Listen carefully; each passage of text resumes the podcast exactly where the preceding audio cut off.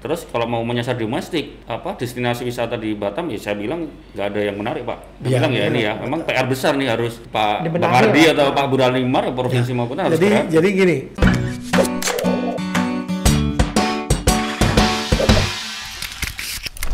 Saya kebetulan dengan komisi teman-teman komisi 2 beberapa waktu yang lalu sudah mengunjungi Lagoy. Hmm. Lagoy ada salah satu hotel yang sudah siap dengan konsep new normal ya untuk menyambut eh, kehadiran eh, wisatawan. Wisatawan.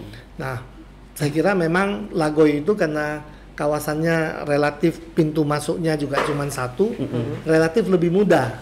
Agak beda dengan Batam yang kawasannya ini tersebar, hotel-hotelnya juga ada di sana sini dan sebagainya. Nah, di Lagoy relatif lebih siap. Lebih siap karena apa? Karena itu tadi saya bilang pintu masuknya, kontrolnya dan lain sebagainya. Nah, kita memang ini tre- ada perubahan kecenderungan tren ini kan berubah Iya. mau tidak mau ini jualnya. Nah, kemarin kita diskusi ya mungkin harga jualnya kepada wisatawan domestik kan juga harganya Lagoy beda. Nah, kan iya Pak, Iya, Lagoy kan karena image-nya itu kan mahal. Mahal, ya. Eksklusif. Eksklusif. Kalau mau menyasar domestik apa yang menarik Pak? Eh, Gimana Pak? Itu tadi saya bilang bahwa satu memang mereka harus melakukan hal-hal yang inovatif yang ya di samping wisata alam kan ya, wisata alam kalau bilang wisata yang lain-lain di sana tidak ada yang terlalu menonjol ya. Golf misalnya, yaitu kita juga berharap itu menjadi salah satu daya tarik. Hmm, Tetapi iya, itu tadi harga, harga Ya, yang tadinya harga ya. harganya yang tadinya memang karena orientasinya kan wisatawan mancanegara. asing. Ya, Ah. ini mungkin Nah sekarang mau tidak mau mesti ada kebijakan dan kemarin salah satu hotel yang kami datang itu mereka sudah siap dengan konsep itu. Hmm. Artinya harga untuk eh, warga negara Indonesia maupun pemegang kitas dan sebagainya itu dengan harga khusus dan di kalau di Batam lapang golf. Mm-mm. Kalau hari ini saya lihat tadi pagi beberapa yang kirim ke saya harganya sudah khusus. Oh. Ya, jadi kalau tadinya jual harga 650.000 ribu, sekarang jual harganya udah 450.000 ribu. Waduh, boleh juga nih besok Ya, jadi Ya, bis- pegang stick ya. lagi. diskon hampir hampir diskon 50% juga Iya, ya. iya, Ya, iya. ya.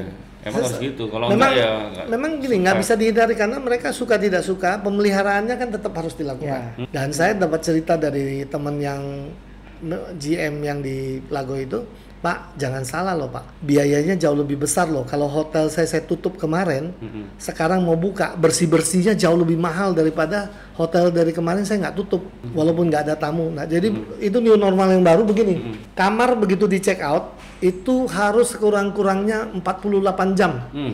kemudian baru boleh ditempati. Iya. Oke, oke. Jadi dengan new normal itu dia ingin memastikan bahwa kamarnya tuh Clear betul-betul ya, betul-betul betul-betul aman. Mm-mm. Sehingga begitu tamu keluar, mereka buka semua jendela, ganti semua, di, di Semprot semprot disinfektan, disinfektan dan sebagainya, dibersihkan.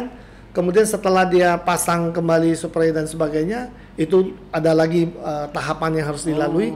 Baru setelah 48 jam kamar itu boleh dipakai. Sebenarnya costnya juga nambah ya. Pasti Ya, ya. se- sebetulnya kalau tadinya tadinya kan hotel check out jam 1, jam 3 Jam sudah ada yang masuk. bisa masuk ya. Iya, orang Ya kan pada hari itu aja. juga. Ah. Nah, sekarang dengan new normal ini dia harus lakukan hal-hal itu. Otomatis length of stay pemanfaatan kamarnya itu kan juga waktunya jadi jadi mundur. Yang tadinya satu kamar itu mungkin bisa dipakai berapa hari, ini jadi mesti jeda dulu. Nah, ini ini ini, ini kondisi yang yang Iya. salah satu yang dialami. Sehingga saya ingin katakan bahwa dampak ekonominya ini luar biasa. Kalau teman-teman tanya bagaimana nih apa apa peran pemerintah ini? Ya saya katakan pemerintah harus memberikan insentif dalam bentuk pajak. Pajak. Ya, j- pajak-pajak daerah itu ya kita harus yang mana pajak menjadi kewenangan kita di Ya, daerah, benar. Itulah salah satu instrumen insentif yang bisa diberikan. Ya, Misalnya maaf kalau tadinya uh, ada rencana memungut pajak sekian persen, ya mungkin pajaknya tetap dipungut, persentasenya mungkin yang kita Agak kecilkan. dikecilkan, Ya, ya. Iya. Agar tidak terlalu membebani juga. Ya jujur, ini memang buah si malakama pemerintah satu-satunya sektor yang diandalkan penerimanya dari pajak. Dari pajak. Pak Dana tahu lah ya kan dari pajak. Kalau pajak kita baru bisa membangun, bisa berusaha. Tapi sekarang pajaknya mesti dilakukan semacam katakanlah eh, pemotongan-pemotongan gitu sebagai insentif supaya sektor ekonomi tetap bisa Untuk bergerak. bergerak. Pak, kalau eh, mungkin ini di DPR kan ada fungsi kontrol. Soal sembako, Pak. sembako di Kepri rantai peredaran bahan pokok di saat ini atau mungkin nanti sampai new normal gimana menurut Pak Dari hasil kebetulan karena kami memang komisi yang membidangi perdagangan, Mhm. eh, dari hasil eh, kita kami turun ke lapangan, ketersediaan sembako alhamdulillah masih relatif aman. Nah, ini penting karena Ya. sembako tuh Re- relatif aman karena ini kebutuhan dasar kan Iya, ya, iya. relatif aman. Kita lihat eh, melalui dinas perdagangan eh, Kabupaten Natuna, Anambas, Lingga yang daerah-daerah yang maaf eh, pandemi Covid ini yang tidak terlalu apa dirasakan ya. Kan kalau Natuna Anambas tuh clear, Lingga masih ada ada satu kemarin yang yang kena. Nah, Hmm. Beberapa daerah lain itu semua ketersediaan Karimun, Tanjung Pinang, Bintan, Batam. Ini alhamdulillah kalau sembako tidak ada masalah. nggak ada masalah Pak ya. Kita juga koordinasi dengan Bulog, kes- ketersediaan beras juga tidak ada masalah. Yang patut kami bersyukur dan berterima kasih adalah uh, keterlibatan daripada organisasi masyarakat. Hmm. Oke. Kita bersyukur bahwa jiwa gotong royong kita itu betul-betul tumbuh Iya. ketika kita sedang sulit, saudara-saudara kita sulit, kita pun semua merasakan. Saling membantu Sehingga juga. saling membantu. Saya kira saya sebagai anggota dewan harus menyampaikan apresiasi Ya, kepada semua peran ya. semua pihak yang mengambil peran untuk meringankan beban saudara-saudara kita. Mm-mm. Karena ini luar biasa, tidak lagi melihat agama, suku, ras, golongan, tapi semua bahu membahu membantu. Dan itu juga meringankan juga beban pemerintah. Iya, kemarin kita lihat eh, pengusaha di Batam, di Kepri, Patungan ya, Ya. Pak Asmin ya, Ya. itu bagian menurut luar biasa. Tribun aja juga Pak, kita eh, sampai kita tuh jualan kaos, Tribun bayangin Pak, jualan kaos, 25 persennya kita sisihkan untuk bantu Ya. eh, apa saudara-saudara kita yang terdampak. Terdampak ya? Iya, kita juga ada bikin namanya kolaborasi untuk berbagi. Ya, saya juga harus Gitu. berterima kasih ke. Tribun Ya, meskipun nilainya kecil paling ya, kita karena semua bisa semua itu. ikut berperan dan itu yang ah. itu yang membuat kita kuat ya Mm-mm, karena saya melihat bahwa masyarakat Kepulauan Riau, masyarakat Batam semua terpanggil bahu membahu. Betul. Ya, lagi-lagi memang kalau berbuat baik itu jangan lihat besar atau kecil, Benar. tapi ketulusan dan kesungguhan. Saya kira ini luar biasa. Ini merupakan satu kekuatan yang luar biasa dan kita berharap di masa transisi ini kita juga bisa bersama-sama. Iya, ada tren baru pasti ya di sini ya. Jadi Iya. juga solidaritasnya bisa jadi lebih tinggi ya Mm-mm. antar masyarakat. Pak satu lagi Pak, ini penting nih bencana COVID ya saya bilang ini bencana, ya. Bencana, Ini ya. ini kondisi krisis ekonomi tahun ini eh, agak beda dengan 98. Kalau 98 waktu itu eh, UMKM katanya kuat ya, tapi era ini pandemi ini UMKM banyak yang terdampak. Benar kan Pak? Ya, Nah itu kalau memang iya kira-kira Pak dari Pak Asmin kan sebagai pebisnis juga kira-kira apa tipsnya, strateginya apa? Harus bagaimana nih teman-teman UMKM ini Pak? Ya, memang sekali lagi ketika krisis 98 UMKM tidak terlalu kena. Mm-mm. Tapi kalau yang sekarang ini semua kena Semua Benar, merata. sampai ke UMKM. Mm-mm. Nah, kita berharap karena UMKM ini umumnya Mm-mm. eh, berusaha tidak menggunakan jasa perbankan, Mm-mm. ya kan? Kita berharap memang mereka bisa cepat juga membuat semacam bisnis plan yang baru, strategi yang baru untuk melakukan inovasi-inovasi. Inovasi. Ya, jadi lagi-lagi ini memang kebiasaan baru, Mm-mm. Dituntut harus ada inovasi, ya, dituntut ada kreativitas. Mm-mm. Mungkin kalau dari porsi pemerintah adalah kita mungkin nanti akan mendorong bagaimana lembaga pendanaan, lembaga keuangan yang bisa membantu juga dari sisi permodalan. Mm-mm. Kalau seandainya teman-teman ini membutuhkan, bagaimana kita mendorong supaya eh, lembaga-lembaga keuangan, bank-bank yang selama ini concern terhadap UMKM, ini bisa memberikan pemodalan gitu. Mm. Karena kalau tidak cepat, ini kalau lama-lama terus mau baru mau bangkit lagi makin sulit. Agak sulit, iya, iya, Ya, iya. karena maaf lah, market yang selama ini dia kuasai udah ditinggal sekian lama hilang nih, Iya. udah berpindah ke pelanggan yang lain. Iya, iya, iya. Gitu. Jadi lagi-lagi kita nggak usahkan jauh-jauh beberapa eh, rumah makan saja, rumah makan kecil, warteg dan sebagainya gitu ya.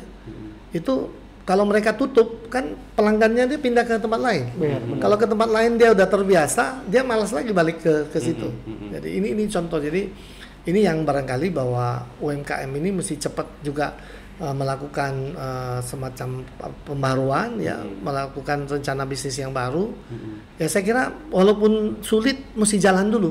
Betul. mesti jalan dulu karena dengan jalan dia ber- berharap mu- menemukan semacam satu kebiasaan baru itu tadi. Tapi kalau dia diam, dia menunggu, ini momentum ini terus tertinggal. Iya. Iya, jadi kalau tadi saya mengulang lagi apa yang disampaikan Pak Asmin, eh, teman-teman UMKM, pelaku bisnis, meskipun bisnis kecil, eh, kalau dari sisi masyarakat atau pelaku bisnis harus kreatif Pak ya, kreatif, harus Inovasi, berinovasi, uh-uh. berpikir lagi bisnis ke depan yang baru seperti apa, ya Pak, harus bergerak, gitu Iya, Pak ya, iya. dan kalau dari sisi pemerintah ya mestinya pemerintah bisa ngasih bantuan nanti misalkan permodalan Ya. dengan Mungkin tadi itu tadi pendekatan dari kewenangan kalau misalnya selama ini ada pajak misalnya yang dipungut dari kedai kopi, Mm-mm. ya mungkin sementara ini kedai kopi kita tahan dulu, tahan dulu, Ah. ya kan. Terus misalnya kalau warung-warung kita selama ini ada pajak ya mungkin kita tangguhkan dulu gitu. Ya biar ini supaya normal dulu. Iya. Apalagi teman-teman yang kasih usaha untuk bernafas ya Pak ya.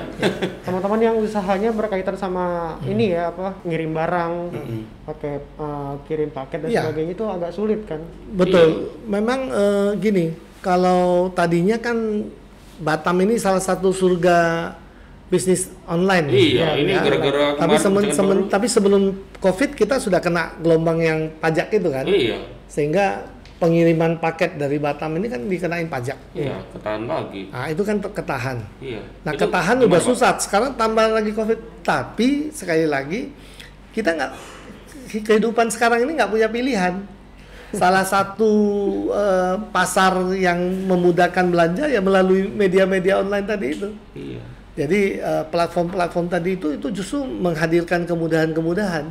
Tapi Jadi- Batam kemarin Pak ada beberapa saya misalnya ada toko musik di sini. Biasanya dia sering jualan produk-produk musik apa eh, produk-produk musik itu sampai keluar. Tapi gara-gara aturan itu Ya, jadi nggak bisa, nggak bisa jualan bisa. pasarnya Maaf, ke Jawa. maaf, akhirnya teman-teman ini buka usahanya di Tanjung Pinang, Eh, di Karimun, ada yang malahan Oh, gitu udah ya? akhirnya buka di Jakarta aja. Ya karena kalau Iya, di iya. Jakarta kan nggak kena pajak, kena dia, pajak. jual, dia jual seperti biasa. Nah, tapi katanya teman-teman saya juga yang akhirnya jualan online di Batam akhirnya memutuskan untuk pindah ke, ke Pinang dan Mhm, sebagainya. Tapi juga Pinang mau ada peraturan yang sama ya kan? ya? Eh, gimana Pak? Emang ya? sampai sekarang sih belum. Oh. Setahu baru wacana belum. ya, baru wacana ya. Ya karena mungkin ke- karena pemantauannya oh, akhirnya bergeser aja nih dari Batam Iya, geser ke iya, Pinang. yang paling dekat ya. Tapi lagi-lagi sekali lagi sebagai unsur penyelenggaraan pemerintahan ini kan bagian dari strategi bisnis. Pinang. Mm-mm. Sepanjang tidak ada aturan yang dia langgar ya sah-sah saja. Nah, tapi kalau dia jual di Batam ya dia nggak punya pilihan harus kena pajak. Hmm. Tapi kalau dia jual di Pinang dan barangnya ada di Pinang, ya kan? Atau dia jualnya di Batam tapi bar- gudangnya ada di, Di Pinang. ada di Pinang. Hmm. Kan kayak Lazada dan Iya. sebagainya itu kan gudangnya dia ada di mana-mana. Iya, iya. betul. Tokonya dia ada di mana-mana gitu loh. Jadi sekali lagi sepanjang dia tidak melanggar aturan ya saya kira sah-sah saja. Oh, satu strategi ya tuh ya. Ya. Seru deh ngobrol dengan Pak Asmin. ya.